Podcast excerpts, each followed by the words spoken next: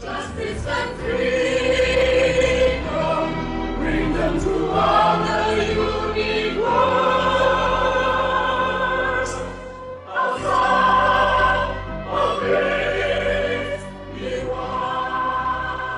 menjadi pesta demokrasi bangsa Indonesia yang diselenggarakan setiap lima tahun sekali. Meskipun baru diselenggarakan pada 2024 nanti, tapi dari saat ini pun partai partai politik sudah mulai berkontestasi semaksimal mungkin supaya terlihat baik di mata publik dan tentunya mendapat dukungan dari rakyat. Berbagai macam cara telah mereka tempuh, mulai dari belusukan calon kepala daerah sampai mengeluarkan wacana-wacana kontroversial. Salah satu wacana paling kontroversial pada saat ini adalah wacana perpanjangan masa jabatan presiden. Presiden Joko Widodo yang akan menyelesaikan periode kepengurusannya selama dua periode pada 2024 nanti, diwacanakan oleh berbagai tokoh politik untuk kembali mencalonkan diri lagi sebagai presiden pada pemilu 2024. Sebelumnya perlu kita ketahui bahwa Presiden Republik Indonesia sesuai dengan amanat Undang-Undang Dasar 1945 hanya boleh menjabat selama dua masa periode, lebih tepatnya diatur dalam Undang-Undang Dasar 1945 pasal 7. Namun, belakangan muncul pula wacana amandemen konstitusi bangsa yang hendak disisipi oleh perubahan terhadap masa ketentuan jabatan presiden tersebut. Lantas, apa kata konstitusi? Mungkinkah wacana ini terrealisasi? Meskipun Presiden Jokowi secara eksplisit telah menolak karena telah melanggar konstitusi, Apakah perpanjangan ini bisa terjadi jika konstitusi itu sendiri yang diubah? Om Swastiastu, Assalamualaikum warahmatullahi wabarakatuh, Shalom, Namo Buddhaya, salam kebajikan untuk kita semua. Bersama saya Nadine, pada episode kali ini kita akan mengupas pertanyaan-pertanyaan tersebut secara mendalam dengan narasumber yang pastinya sudah tidak diragukan lagi keahliannya. Teman-teman penonton dan pendengar, Selamat datang di Alsa Legal Talk Series episode pertama dengan tema Polemik penundaan pemilu 2024 dan perpanjangan masa jabatan presiden, apa kata konstitusi? Baiklah, saat ini teman-teman sudah bergabung bersama saya, yaitu salah satu dosen yang paling saya kagumi, yaitu ada Bapak Dr. Idewo Gede Palguna SHM Home.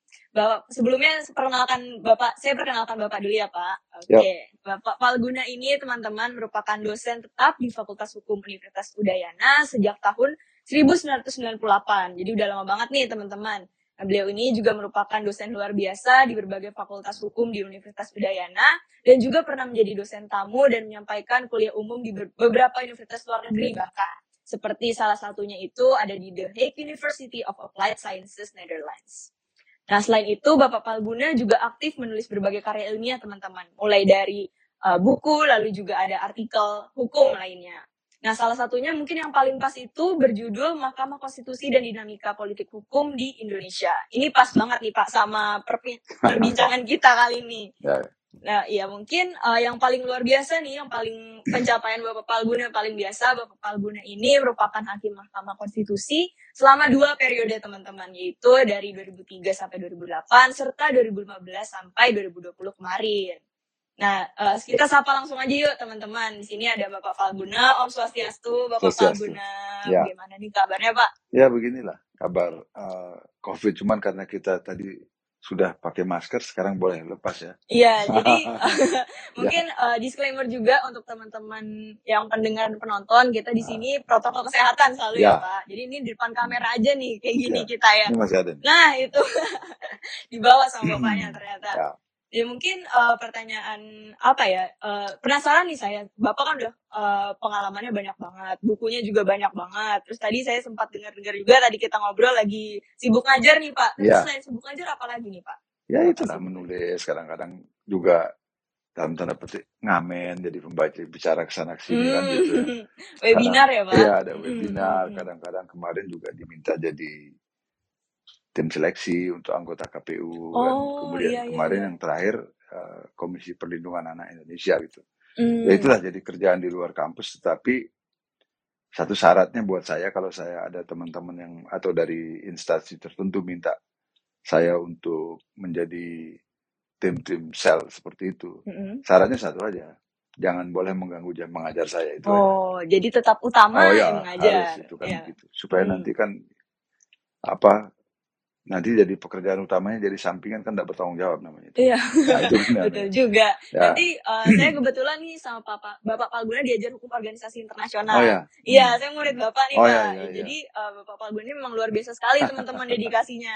Berarti tadi sering bolak-balik Jakarta kan ya, Pak? Iya. Gara-gara itu. Tapi tetap mengajar teman-teman, Oh, iya. pernah kehilangan satu sekalipun karena eh, tadi sempat ngobrol-ngobrol juga. Jadi eh, Bapak Palguna ini punya kecintaan, Eh. love to teach other gitu ya, Pak? Iya. Iya, betul sekali luar biasa. Iya. Jadi eh, meskipun sibuk eh, jaga kesehatan ya, Pak, tetap Iya pasti. protokol kesehatan tetap. Nah, Hmm. ini juga berlaku untuk teman-teman di pendengar dan penonton dari Alsa Legal Talk Series. Tetap jaga kesehatan dan ketat tak patuhi protokol kesehatannya ya, teman-teman. Nah, oke deh, kalau melihat dari topik kita yang seru banget nih pada hari ini, eh, mungkin bisa kita langsung mulai aja ya, Pak. silakan, silakan. Iya, jadi udah pada nggak sabar nih kayaknya teman-teman untuk kita diskusi dan mendengar langsung dari Bapak. Oke, jadi eh, di sini udah ada pertanyaan Bapak. Jadi udah menyiapkan nih Pak. Karena Ah. seru banget topiknya, jadi eh, kami menyiapkan pertanyaan cukup banyak. Iya, bisa, silakan.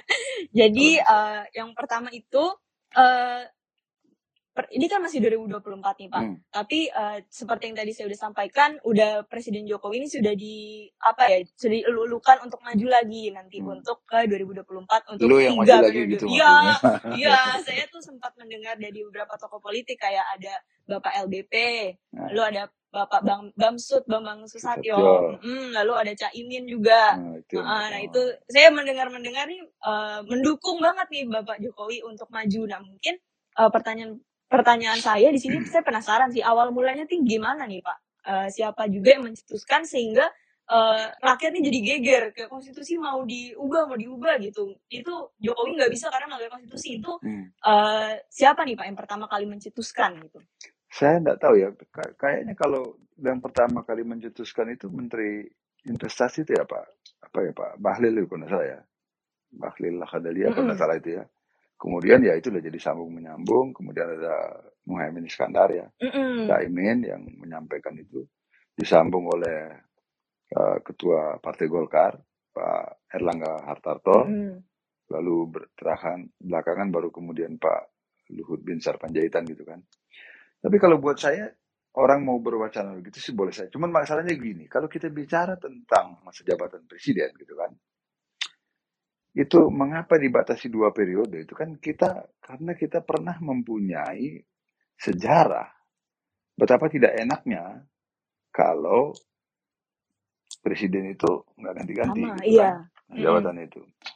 Nah, itulah sebabnya ada perubahan terhadap ketentuan Undang-Undang Dasar yang lama. Undang-Undang Dasar yang lama kan bunyinya sangat sederhana. Presiden dan wakil presiden memegang jabatan selama lima tahun dan sesudahnya dapat dipilih kembali. Mm-mm. Lalu itu seperti kalau dulu kami istilahnya dulu kalian sudah tidak mengenal lagi barang itu. Itu ada namanya pita kaset gitu kan. Kalau rusak dia balik lagi dia. Iya, iya. Sesudahnya dapat dipilih kembali. Sesudahnya dapat Mm-mm. dipilih kembali. Sesudahnya dapat. Jadi Limitless ya. Iya. akhirnya jadi seumur hidup. Gitu. Mm-mm. Nah, maka dulu kan ada lelucon. dulu lah.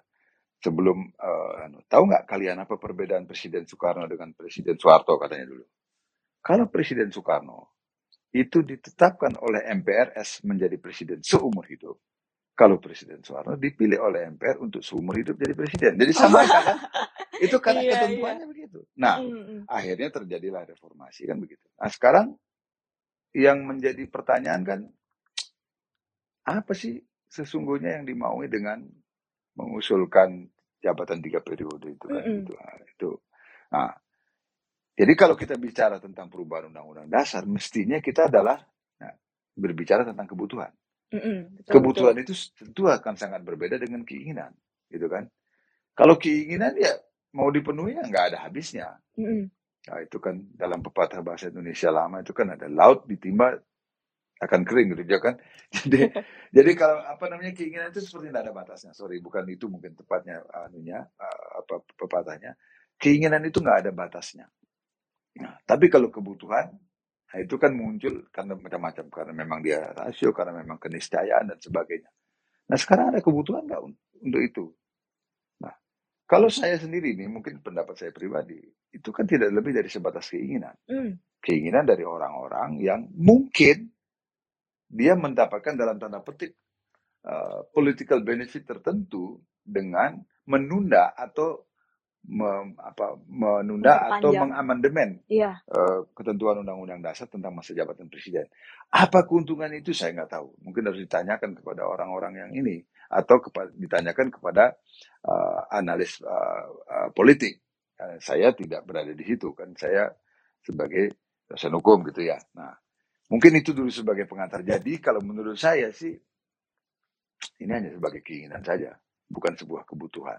Tetapi pertanyaannya, kalau pertanyaannya adalah, bolehkah konstitusi diubah? Ya boleh, ada Iya. pasal 37. Iya. Tapi bolehnya itu tadi, apakah itu terjadi karena kebutuhan atau karena keinginan? Itu kan dua Mm-mm. soal yang berbeda. Mm-mm, betul sekali. Misalnya, kalau misalnya berhasil diubah, lalu menjadi tiga periode boleh, apakah itu legal? Ya legal. Karena itu sesuai dengan pasal, sepanjang dilakukan menurut ketentuan pasal 37. Iya. Ya boleh.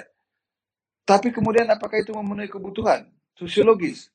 Nah, ya maka di sini persoalan legalitas menjadi menjadi berbeda dengan persoalan legitimasi. Mm-mm. Sebab kalau kita bicara legitimasi berarti kita berbicara tentang kebutuhan sosiologis. Betul. Apakah itu merupakan bagian dari kehendak publik, kebutuhan publik, ataukah itu hanya keinginan elit?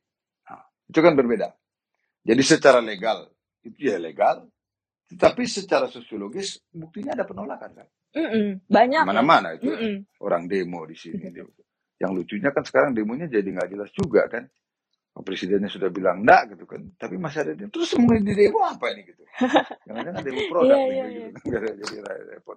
Nah itu yang jadi soal. Tetapi oke lah. Karena demonstrasi itu penting loh.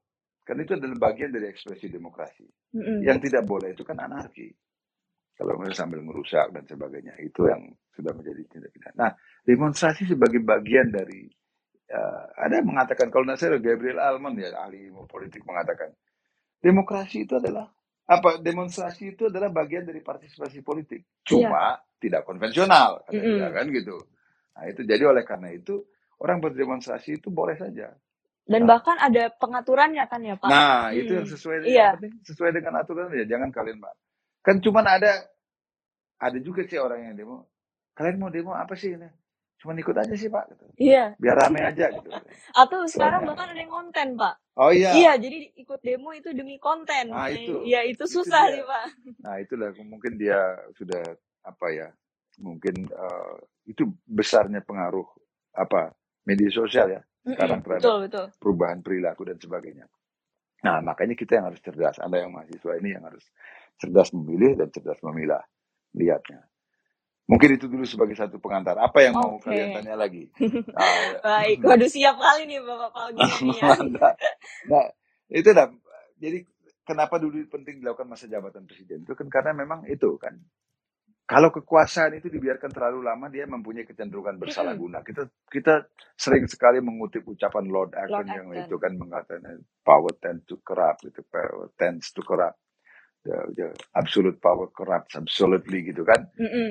Tapi ya salah satu wujudnya yaitu pembatasan itu. Makanya pembatasan itu penting. Oh ya, saya ingin cerita satu hal.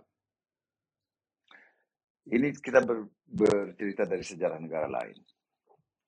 Namanya Presiden George Washington. Mm. Dia adalah presiden pertama dari Amerika Serikat.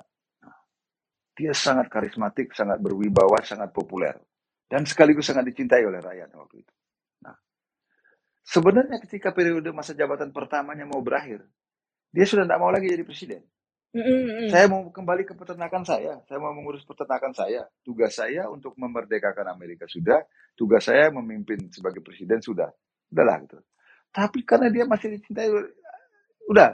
Akhirnya dipaksa lagi dalam tanda petik ya jadi presiden dua kali masa jabatan. Mm-mm.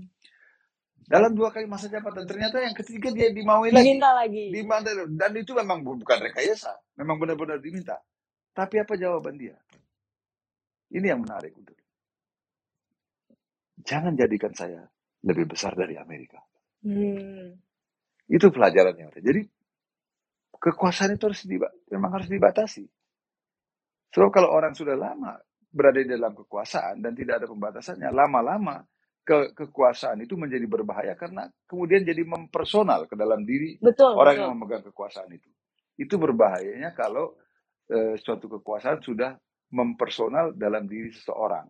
Akhirnya kritik terhadap kekuasaan itu menjadi tidak bisa dibedakan lagi atau bahkan ditanggapi sebagai kritik terhadap personal orang yang Mm-mm. bersangkutan. Ah, ini tidak sehat buat demokrasi gitu. Jadi mungkin uh, di sini saya tertarik banget nih Pak sama tadi uh, perkataan George Washington Iya. ya.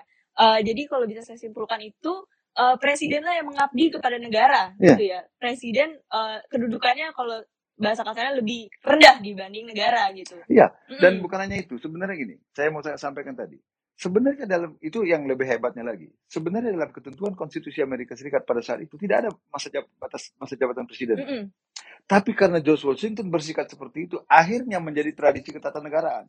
Sejak saat itulah, walaupun belum diubah dalam konstitusinya, tidak pernah ada presiden Amerika Serikat yang sampai tiga kali menjabat. Mm-mm, mm-mm. Sekali pernah dilanggar oleh Franklin Delano Roosevelt, Iya. nah itu waktu perang dunia kedua. Kalau Franklin Delano Roosevelt dia meninggal pada masa jabatannya, makanya dibilang ada kutukan Roosevelt kan ada di- Mm-mm. ya, de- apa namanya kutukan masa jabatan presiden itu. Karena dia yang melanggar uh, yang sudah tertib dua kali hanya dua kali, kemudian oleh Roosevelt dilanggar, akhirnya dia meninggal dalam masa jabatannya. Walaupun itu ya tentu saja itu mitos gitu ya, tetapi kejadiannya ya kok pas benar gitu kan. Iya. Dia yang mulai anu melanggar masa uh, pembatasan masa jabatan itu, akhirnya dia yang kena. Nah itu. Jadi itu. Kalau kalau kita bicara tentang konstitusi, kita bukan tentang hanya berbicara tentang pasal-pasal dari konstitusi itu, tapi kita berbicara tentang jiwa dari konstitusi itu. The spirit of the constitution atau uh, kalau uh, Ronald Dworkin mengatakan apa, apa namanya uh, uh,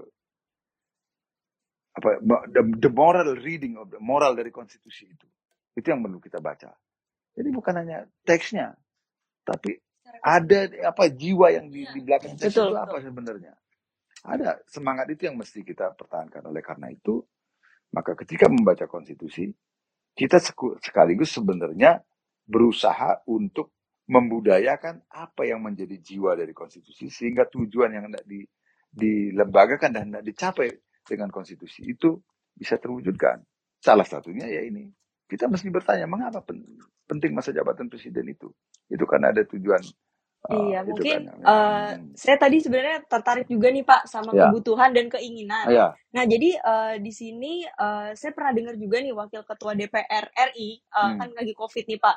Eh, beliau tuh mengatakan bahwa pemilu ini pada dasarnya menunda, justru malah menunda eh, Menjadi. pemulihan ekonomi. Hmm. Nah, ini menurut eh, pandangan Bapak nih gimana? Apakah ini yang disebut tadi keinginan yang diselubungi oleh eh, kepentingan publik atau gimana nih Pak?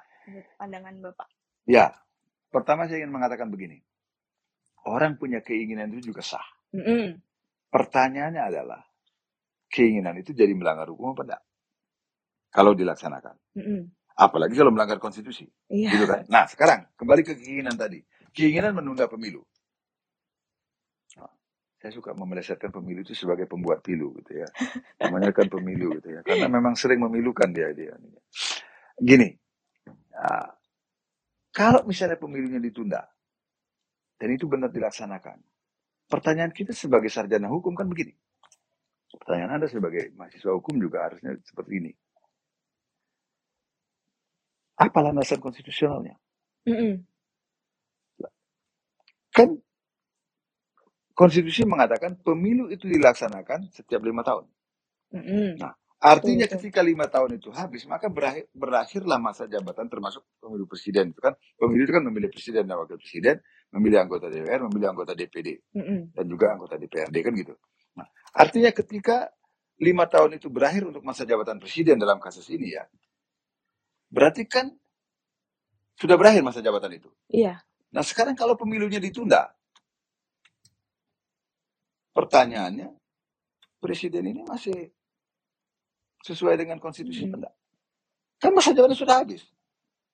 Pertanyaannya yang yang mendasarkan begini, atas dasar apa, atas landasan konstitusional apa penundaan itu kemudian kemudian menjadi bisa kita terima? Mm. Nggak ada landasannya. Kalau tidak ada landasan konstitusional, nah berarti pemerintahan yang lahir dari penundaan itu adalah pemerintahan yang tidak konstitusional. Kalau pemerintahannya tidak konstitusional, pertanyaan berikutnya, wajibkah kita menaati pemerintah yang tidak konstitusional itu? Iya itu. Kan itu pertanyaan besarnya. Kalau jawaban dari semua itu tidak, sudah lupakan keinginan itu. Itu keinginan Iya iya. keinginan lancung namanya kalau yang begitu itu. Kalau Mm. menurut saya. Itu. Kan pertanyaan kritis itu sebagai mahasiswa hukum mesti seperti itu dong. Nah, jangan cuma keinginan, tapi kemudian kalau keinginannya melanggar hukum, apalagi melanggar konstitusi, ya jangan dong. Gitu. Kita ini kan mau hidup bernegara, bukan mau suka-suka kita gitu kan. Mm. Kalau mau suka-suka politisi ya seperti itu. Padahal sekarang mestinya kata para cendekiawan, mestinya yang dikembangkan itu adalah deliberatif demokrasi, yaitu demokrasi yang benar-benar memperbi apa namanya mendengarkan perbincangan publik karena dengan prinsip representatif demokrasi, demokrasi perwakilan itu ternyata tidak lagi memadai. Mm-mm. Oleh karena itu makanya deliberatif demokrasi itu yang mestinya lebih dikembangkan. Sering-seringlah anggota dewan itu turun ke lapangan dan benar-benar turun, ngobrol dengan rakyat apa sih menjadi kebutuhan rakyat. Jangan bikin keinginan-keinginan sendiri dan kemudian itu didalilkan sebagai maunya rakyat gitu. Nah, itu manipulasi namanya. Nah, ini yang tidak beres gitu. Nah Oke. mungkin eh, di sini terkait juga nih Pak mengenai saya nggak tahu ini manipulasi atau enggak ya. Jadi eh, Bapak Luhut Binsar Panjaitan ini Hmm. eh, beliau mengatakan kalau eh, jadi eh, kan beliau mengendorse Jokowi nih Pak untuk maju, Hmm. tapi beliau mengatakan kalau itu rakyat yang mau nih Pak. Atas Eh, dasar big data gitu ya. ya berdasarkan big data Ah. beliau gitu. How Nah big is it? Gitu kan gitu pertanyaannya kan. Nah, terus eh, makanya karena mau itu, jadi eh, konstitusi ini mau diamandemen gitu kan. Nah, sebenarnya kata beliau itu eh, si presiden ini nggak punya hak untuk eh, menolak konstitusi gitu kan, karena hmm, kalaupun diamandemen ya dia mau nggak mau dong maju gitu kan Pak. hmm. Nah, itu terletaknya di eh, pengubahan konstitusi itu kan di MPR Ya, gitu. Nah, eh, jadi kalau menurut Bapak nih mungkin nggak sih Pak kalau misalkan eh, konstitusi ini diubah, Presiden Jokowi ini eh, bakal maju juga meskipun beliau secara eksplisit telah menolak nih sudah dua kali. iya. Gimana pendapat Bapak mengenai hal ini? Gini pertanyaan kalau pertanyaan soal mungkin diubah apa enggak? Ya mungkin saja kalau misalnya diubah oleh MPR itu. Makanya kemarin saya agak anu itu pusing juga itu.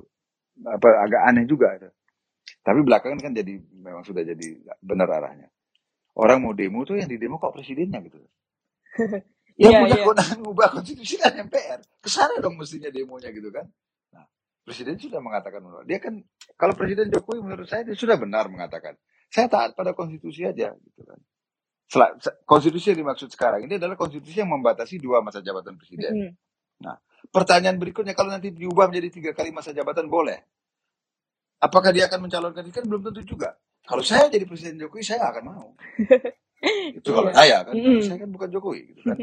Kalau saya jadi presiden Jokowi saya nggak akan mau. Karena kan nanti apa namanya khawatirnya reputasinya jadi tergerus gitu Mm-mm. dengan ketiga itu. Nah, nah, cuman masalahnya sekarang kalau dari pertanyaan tadi, apakah benar lalu eh, mengubah konstitusi sehingga dimungkinkan masa jabatan presiden jadi tiga periode itu merupakan kehendak rakyat? Mm-mm. Kan di situ pertanyaannya. Makanya, apakah itu tadi makanya saya bilang eh, prinsip deli- deliberatif demokrasi itu harus jalan. Dan salah satunya eh, bagaimana cara mengukurnya? Tunjukkan dong, tunjukkan dong data yang secara saintifik tidak bisa dibantah bahwa itu memang merupakan keinginan rakyat. Ternyata ada survei-survei lain yang membuktikan sebaliknya.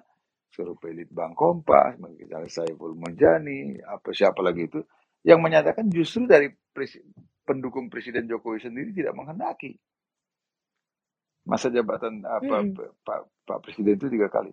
Tapi dari segi popularitas Presiden itu di atas 70 persen kan. Artinya kan pre- pendukung Presiden sendiri nggak ingin sebenarnya Presiden Jokowi itu tiga kali gitu loh. Mm-mm.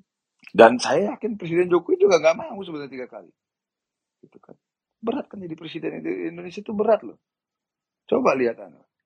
Orang sudah kerja baik-baik juga masih tetap anu kan. Ya tapi itu adalah salah satu pertanda demokrasi ya. Bahwa masyarakat kita kritis. Bahwa ada ada masyarakat yang berbeda. Tetapi seorang pemimpin yang berani itu kan begitu. Ya. Dia harus tetap membuat mengambil keputusan bahwa ada perbedaan pendapat. Jadi kalau kalau itu terus mau menyenangkan semua pihak nggak bisa jadi pemimpin dong. Iya. Tapi dia harus punya visi dan kalau dia yakin dengan visi itu kemudian dilaksanakan bahwa ada ketidakpuasan dan sebagainya ya hadapi saja. Itu bagian dari demokrasi. Karena demokrasi kan tidak mungkin memuaskan semua orang. Ya itu itu impian namanya kan kalau utopia namanya kalau yang begitu. Nah, tapi kalau dia punya visi Indonesia itu dalam bayangan saya nanti 50 tahun ke depan akan jadi ini sehingga langkah yang harus kita persiapkan adalah begini sebagainya. Bisa dijelaskan? Ya. Tentu kemudian publik akan melihat ada yang pro ada yang kontra. Biasalah itu kan. Iya. nah tapi kalau kemudian ini persoalannya lalu dibalik dan karena itu kemudian lalu perlu masa jabatan yang ketiga kalinya dan itu seolah-olah datangnya dari Presiden Jokowi. Nah ini yang tidak sehat menurut saya. Hmm. itu kan ya, jangan-jangan jangan-jangan itu mohon maaf saya kan jadi apa istilahnya itu jadi bersangka gitu kan yang sebenarnya nggak bagus. Jangan-jangan ada orang yang apa namanya nyaman dengan keadaan sekarang lalu takut kehilangan kenyamanan itu. Hmm. jika Presiden Jokowi tidak lagi jadi presiden kan saya khawatirnya itu yang begitu atau teman-teman mahasiswa yang demo itu mungkin juga mengkhawatirkan hal yang sama gitu kan. Nah itu. Nah itu yang yang secara politik bisa saja itu terjadi. Tapi kan bukan tugas saya untuk menganalisis itu tetapi kita melihatnya secara hukum lebih besar. Iya, betul, betul. ya kadang-kadang kita juga mesti melakukan himbauan-himbauan yang mungkin kedengarannya politis tapi itu tidak terhindarkan. Sebab kalau belajar hukum tata negara khususnya itu kan memang persentuhannya dengan ilmu politik ya Berat eh, sekali ya, ya. ya niscaya- merupakan keniscayaan cuman Mm-mm. beda perspektif saja Betul. di orang tata negara melihat dari perspektif no- normatifnya orang Indo politik melihat dari segi saya ya political science-nya itu gitu kan nah, objeknya sama tapi nanti kesimpulan analisisnya yang berbeda kan nah, makanya dia kayak politisi kan cenderung ini nggak usah menjengkelkan itu debat sama sarjana hukum ini nggak boleh itu nggak boleh gitu. Ya kalau maunya bebas aja Mm-mm. masuk aja ke, ke rimba kan lakukan hukum rimba di situ kan Iya, gitu. betul, Eh, betul. namanya kalau mau hidup kehidupan sosial tidak tetap sebagai seorang politikon ya eh, makhluk yang bermasyarakat ya tetap ada kebutuhan untuk taat pada hukum itu oke saya cerita saya jadi ke sana kemari Iya. apa yang kamu ditanyakan kamu jadi lupa juga nanti mau nanyakan apa nanti Terlalu ini apa starstruck saya nih Pak Falguna, waduh. Ya. Mungkin Iya. eh, apa ya Pak? Eh, mungkin tadi kalau bisa saya simpulkan Bapak Jokowinya ini bisa jadi nggak mau, cuma eh, wacana ini datangnya dari eh, politis-politis Iya, yang, saya punya keyakinan begitu ya, ya eh, apa namanya saya sih tidak tidak terlalu dekat dengan Presiden Jokowi dalam pengertian cuman karena saya masa jabatan saya yang kedua sebagai hakim konstitusi adalah dicalonkan oleh presiden. Kalau yang pertama kan saya dicalonkan lewat DPR, kalau yang kedua oleh presiden gitu. Kalau dalam pengamatan saya, ini tentu saja subjektif dan mungkin orang bisa membantah. Sebenarnya Presiden Jokowi itu nggak mau juga. Capek juga tuh jadi presiden kalau dia gitu kan, walau sudah kerja bener juga masih di istilah Jawanya masih Iya. dikuyok-kuyok gitu kan gitu kan ya. Nah itu. Tapi kan kalau kita bicara tentang kekuasaan sentral presiden apalagi dalam sistem presidensial, presiden kepala negara, kepala pemerintah, kekuasaannya kan besar sekali. Betul. Kekuasaan yang besar itu juga melibatkan banyak orang kan. Mm-mm. Melibatkan banyak orang juga melibatkan banyak kepentingan. Termasuk kepentingan yang sesungguhnya nggak ada nggak ada ke- kaitannya dengan kepentingan kekuasaan presiden itu sendiri. Iya, Cuman iya. kepentingan personal misalnya Betul, gitu kan. betul. Nah, jangan kalau ini yang kemudian mempengaruhi apa namanya eh, apa eh, budaya politik kita yang kemudian sampai berpengaruh terhadap sistem konstitusi kita. Nah, itu yang berbahaya kan. Mm-mm, mm. Mungkin eh, saya di sini tertarik juga sih Pak. Jadi eh, kemarin Bapak Jokowi kan sempat dua kali nih menolak, terus Bapak bilang juga nggak mau. Tapi eh, mungkin nggak sih Pak kalau Hmm. eh, pernyataan dari Bapak Jokowi ini hanya merupakan political statement. Jadi eh, beliau tuh sebenarnya ya political statement kita nggak nggak bisa berbeda dengan legal statement gitu kan, nggak Hmm. bisa kita Ya, eh, betul. pertanggungjawabkan gitu. Nah, Hmm. ini pandangan Bapak gimana nih Pak mengenai eh, Bapak Jokowi dan juga eh, Bapak Jokowi ini sependek pengetahuan saya juga pernah mengatakan hal-hal tertentu lalu melanggar gitu, dalam tanda Hmm. kutip. Nah, itu gimana nih Pak? Apakah mungkin juga dilanggar nih pernyataan dari beliau ini?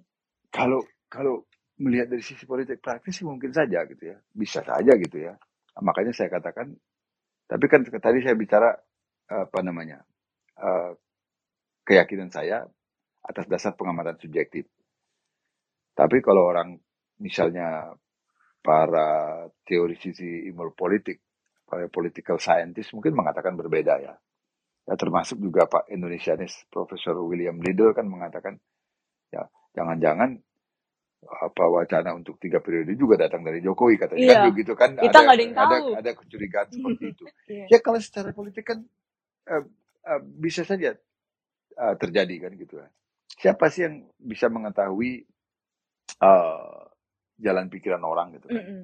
Kalau pepatah Indonesia itu kan mengatakan dalamnya laut bisa diduga, dalamnya hati siapa yang tahu gitu kan? Wah. Kan gitu kan. Betul Nah, betul. itu yang kita tidak bisa tidak bisa kita pahami.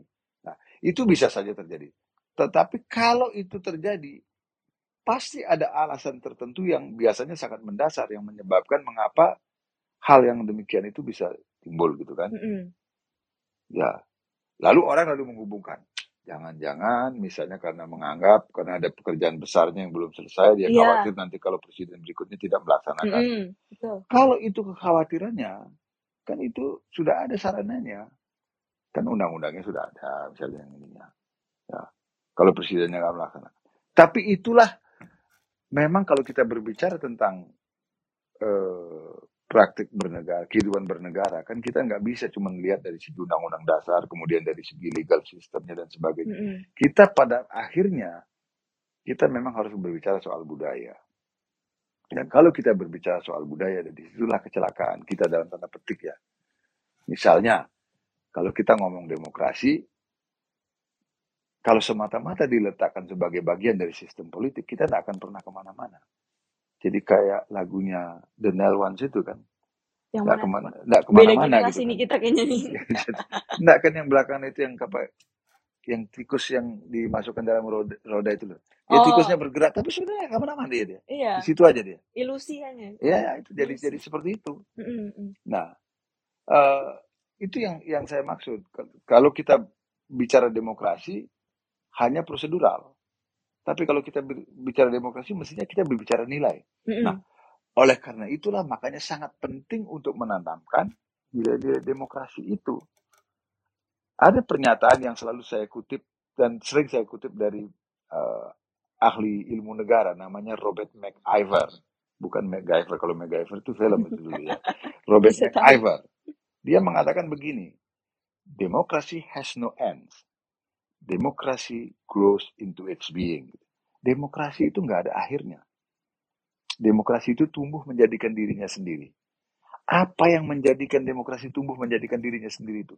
Budaya demokrasi. Betul, betul. Karena itu dia jadi kayak tadi itu. Tidak ada ketentuan hukum yang melarang masa jabatan presiden di Amerika Serikat yang ketiga Mm-mm. kalinya. Tapi budaya demokrasinya dia yang menuntut.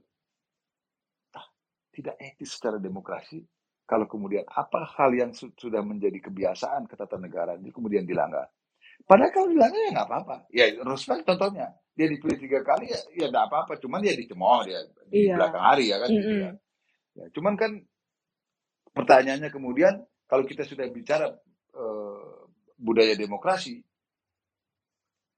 kalau dicemooh itu Anda merasa malu atau muka tembok? Kan itu aja pilihannya. Iya betul. Kalau pilihannya muka tembok ya bagi bagi politisi mungkin itu dianggap sebagai sesuatu yang biasa. Iya. Tapi kalau kita bicara dalam konteks demokrasi itu sangat memalukan, Mm. gitu kan? Nah, itu yang yang mestinya menjadi bagian dari pertimbangan kita juga, termasuk ketika kita membicarakan masa jabatan eh, eh, presiden tiga periode ini, gitu. Nah, Iya, itu. Jadi mungkin eh, datangnya tuh dari nilai, kalau bisa saya simpulkan tadi ya Pak, Ah, demokrasi datangnya tuh juga nggak cuma dari hukumnya doang, tapi dari Iya. masyarakatnya itu. betul, Nilai-nilai hidup di masyarakat. Oke, Jadi oke. jadi eh, kalau kita bicara hukum yang ideal itu kan hukum yang mencerminkan nilai masyarakatnya itu Iya betul. Nah sekarang tapi bisa juga sebaliknya. Seperti, nah nanti kalau Anda belajar filsafat hukum, ada juga yang sebaliknya. Nah, hukum itu kemudian yang menjadi saran untuk mengubah masyarakatnya. Mm-mm. Nah, sama-sama mau menanamkan nilai itu. Nah, gitu ya. Nah, hukumnya bisa juga menanamkan nilai-nilai tertentu. Misalnya, kalau dulu nilai-nilai yang tertanam di sini itu sangat feodal. Ya. Nah, tapi hukumnya memaksa memaksa orang itu atau memaksa masyarakatnya untuk meninggalkan feodalisme itu. Bisa juga seperti itu. Nah, nah, tapi ini mesti diusahakan. bukan hanya oleh elit yang berkuasa, eh, terutama oleh elit yang berkuasa, juga dari masyarakat. Ya, jadi harus ada, memang harus ada, ada pertemuan itu uh, antara uh, yang uh, penguasa dalam tanda petik yang memerintah, uh, antara uh, the gov apa namanya antara yang memerintah dengan yang diperintah. Betul, betul. Uh, jadi between the government and the the govern gitu kan yang diperintah gitu. Nah ini uh, jadi budaya itu uh, harus terus dibangun. Nah tapi untuk bisa membangunnya kan pertanyaan pertamanya harus dia disadari nggak bahwa itu penting. Iya. Kalau itu disadari dianggap penting, baru tumbuh keinginan untuk membangun kan. Mm-mm. Tapi itu kalau hanya dianggap sebagai lip service untuk diomong-omongin di seminar, gitu ya akhirnya seminar kita makalahnya sudah sampai ke bulan, tapi kita nggak ke mana-mana. Iya. Nah itu yang terjadi pada kita sering kan. Dan acap kali kita juga tidak belajar dari masa lalu gitu ya. Padahal masa lalu itu bisa mengajarkan banyak hal sebenarnya pada kita. Karena ada orang mengatakan sebenarnya masa lalu itu apa masa depan itu adalah pekerjaan rumah yang belum kita selesaikan di masa lalu. Dan kapan menyelesaikannya? Ya sekarang ini, mestinya gitu kan. Hubungan antara masa depan dengan masa lalu itu kan yang orang yang melihat sejarah itu sebagai suatu kesinambungan, Betul. bukan sebagai satu peristiwa yang terputus-putus. Kok saya cerita saya jadi ke sana kemari ya? Padahal kita Seru mau, Pak, bicara, tapi mau bicarakan masa jabatan presiden sebenarnya. Nah, Oke, mungkin eh, ini pertanyaannya sesuai nih Pak dengan ini. Eh, mungkin saya minta pendapat Bapak nih Pak. Eh, Presiden Jokowi kalau tiga periode ini untungnya apa aja Pak? Terus eh, kalau dia, kalau beliau nggak tiga periode ini apa aja nih eh, yang kalau dari analisis penglihatan Bapak perpolitikan pada saat ini, kalau nggak kalau tiga periode dia gimana untungnya, kalau nggak ya gimana gitu. Kan seperti tadi Bapak bilang juga ada proyeknya beliau Hmm. yang belum selesai. Nah itu eh, apakah mungkin masih bisa terrealisasi atau justru malah nanti pergantian eh, pergantian penguasaan justru malah terbengkalai gitu pak? Kalau bicara soal keuntungan kan kita sebenarnya selalu bicara hal-hal yang masih sifatnya asumtif ya. Mm-mm, betul. Atau hy- hypothetical gitu ya. Masih hipotetis lah semua itu nggak ada matematika di sini gitu dan misalnya kalau orang bicara keuntungan paling ya misalnya kalau yang paling paling rasional menurut penalaran yang wajar kita gitu kan keuntungannya mungkin kalau terjadi ya ya bisa melanjutkan lah misalnya pembangun membangun ibu kota negara Mm, melanjutkan pembangunan infrastruktur gitu kan ya itu ya yang ya, itu yang dia Eh, walaupun tidak serta merta juga akan seperti itu karena nah ini yang saya mau sampaikan.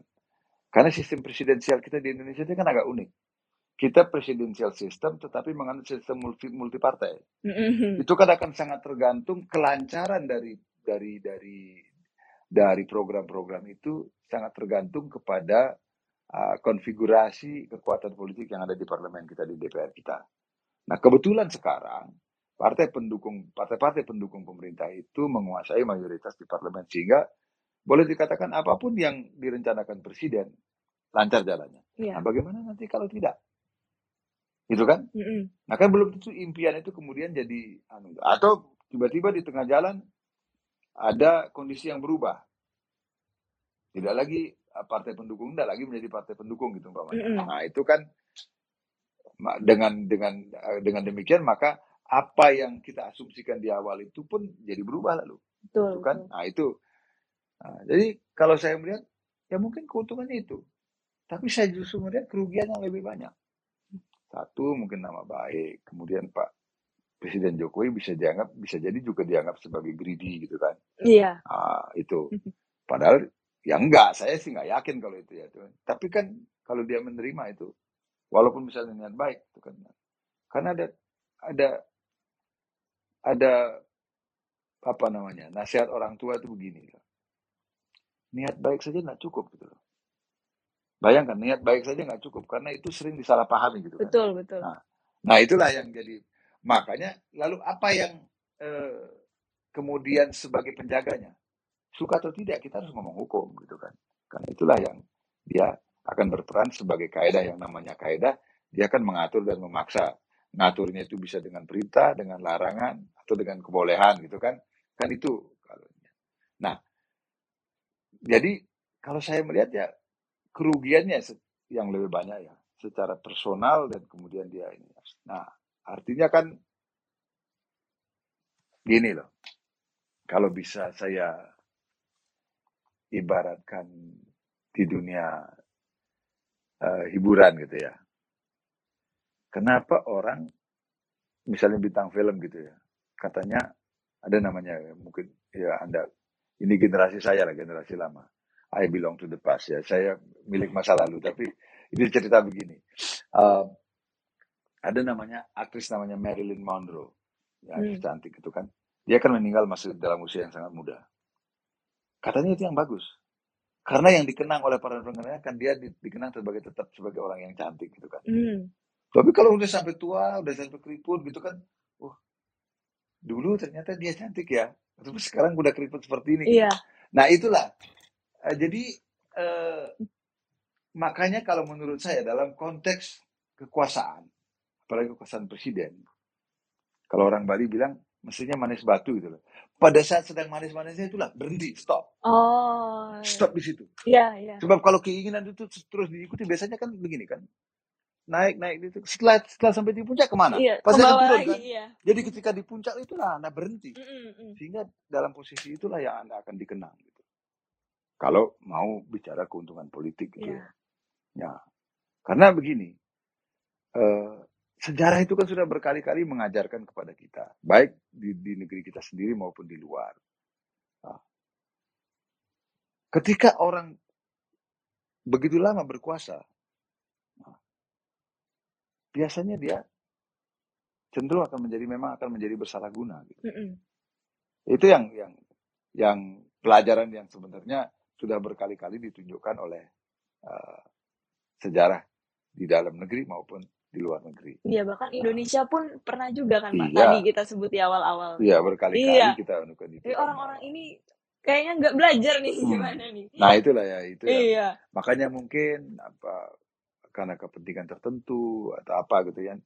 Jadi nah, makanya kalau Gunawan Muhammad kan mengatakan politik itu sesungguhnya yang harus Anda lihat adalah bukan yang ditampilkan ke depan. Tetapi kalau Anda mau melihat yang sesungguhnya adalah apa yang berada di belakang panggung. Mm. Celakanya apa yang berada di belakang panggung itu biasanya adalah ruang gelap yang kita cuma bisa meraba-raba di situ. Iya. Karena yang bisa kita lihat dengan terangnya yang di depan panggung. Mm -mm. Maka benarlah God bless itu bahwa dunia ini adalah panggung sandiwara gitu kan. Jadi ya, ya seperti itu lah. Iya betul kita, tapi kita hanya bisa melihat penampilan di depannya, yang di belakangnya itu adalah ruang gelap yang kita cuma bisa meraba-raba, kita cuma bisa berasumsi, dan kita ya mungkin berbagai macam teori di situ termasuk berbagai macam teori konspirasi karena itulah ruang gelap ya ya jadi berbagai macam uh, perkiraan termasuk prasangka lalu muncul di sana. Dan mungkin selamanya ada dunia politik seperti itu. Tapi ketika dia ditampilkan di depan nah, itulah yang bisa kita nilai.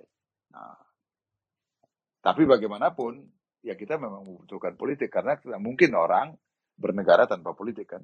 Kalau itu kan kalau aslinya kan politik itu kan kalau boleh saya mengutip uh, ucapan Aristoteles itu kan sebenarnya sesuatu yang suci dia, sesuatu yang sakral.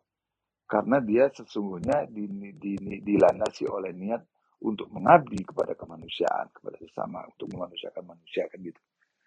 Ya, tapi kan sekarang kalau kita bicara politik praktis yang udah jauh sekali lah dari seperti itu. Nah, iya. Sehingga apa yang kita lihat di depan sesungguhnya bukan itu yang terjadi di belakang. Nah ini yang yang celaka. Uh, Oke. Okay. Mungkin ini yang terakhir di Pak, pertanyaan pamungkasnya nih Pak. Hmm. Uh, kalau misalkan presiden undang-undang dasar tidak jadi di amandemen, hmm. kemudian uh, Presiden Jokowi tetap naik tiga periode nih Pak. Ini uh, akibatnya tuh apa aja nih Pak? Uh, apakah ya, tadi seperti dong. Bapak tadi bilang uh, kita bisa apa namanya kalau pemerintahan tidak sesuai in, in eh, kalau pemerintah ya. maaf kalau pemerintah tidak sesuai dengan konstitusi kita bisa nggak nggak obey mereka atau gimana nah, nih pak? Ya nggak mungkin dong. Kalau kalau apa namanya undang-undang dasarnya tidak diubah, bagaimana caranya dapat tiga periode? Karena mungkin. Apalagi kalau pemilunya tetap dilaksanakan nanti 2024 itu kan, nggak mungkin dong. Ya. ya. Jadi secara konstitusional itu tidak mungkin terjadi secara konstitusional tidak mungkin terjadi. kecuali ke cara-cara di luar konstitusi. Hmm. Nah, jadi kan ya kita tidak mengharapkan itu, ya kan? Kalau di luar konstitusi kan apa? Tindakan kudeta misalnya gitu kan itu kan dia tidak benar itu kan. Iya keadaan Nah, perang itu ya kan Pak. itu kan tidak bisa ya. Iya. Nah, itu tidak mungkin. Jadi kalau kita bicara konstitusional, tidak mungkin lah Presiden Pak Jokowi itu akan menjadi presiden untuk kali ketiga tanpa melalui perubahan undang-undang dasar. Iya.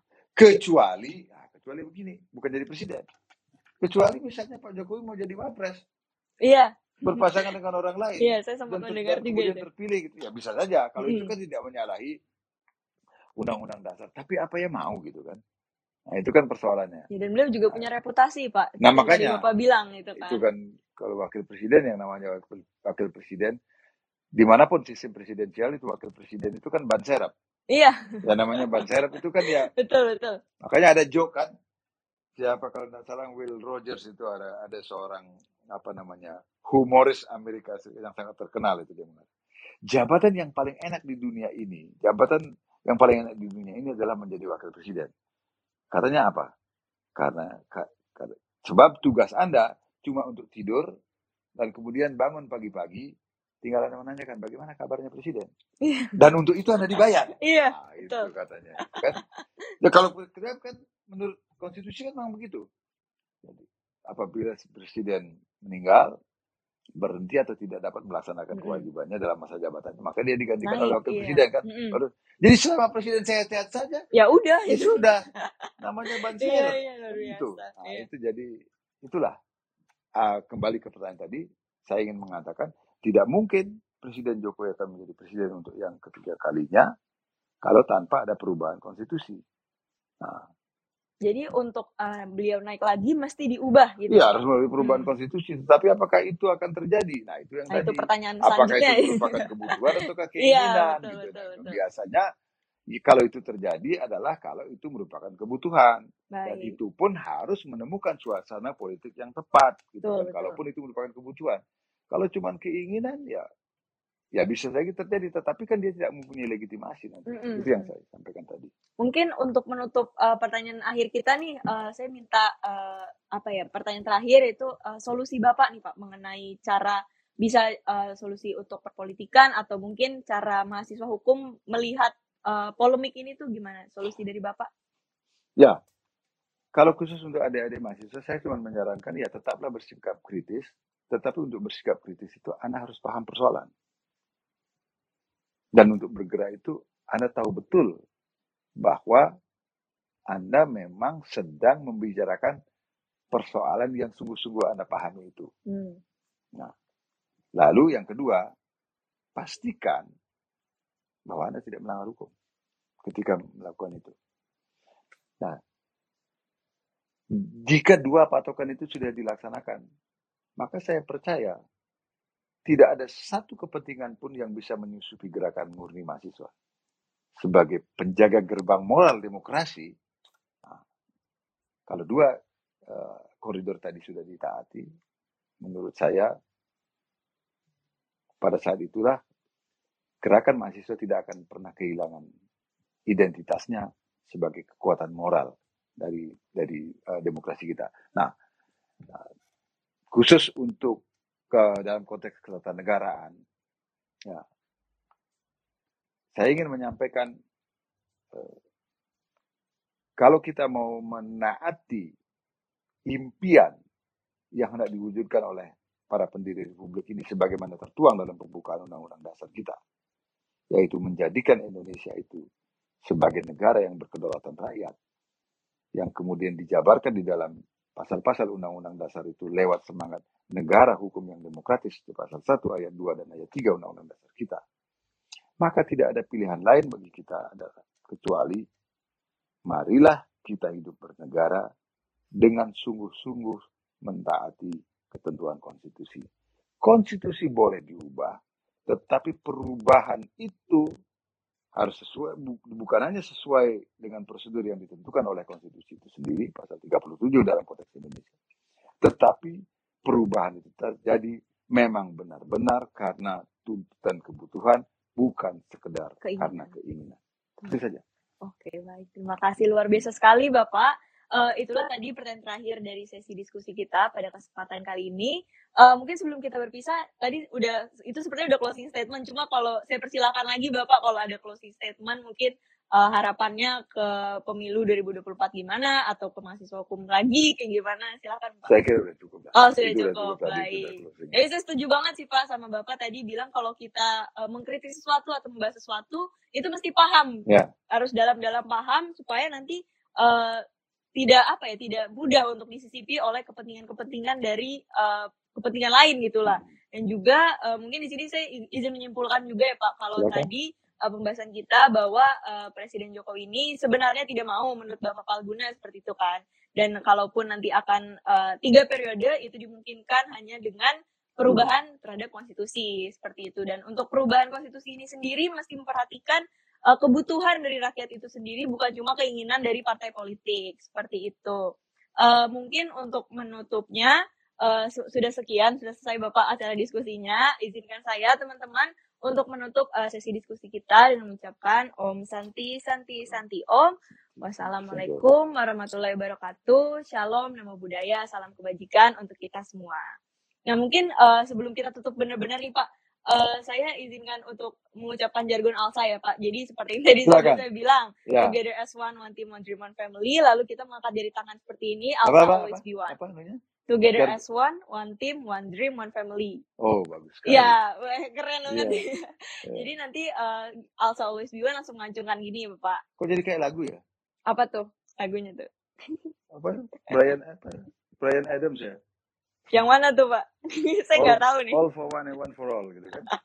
Gitu ya. Oke, Tapi sudah? itu Alsa. Oke, ya. silakan. Oke. Oke, saya mulai ya Pak. Ya. Together as one, one team, one dream, one family, Alsa always be one. Oke, Ya. terima kasih teman-teman.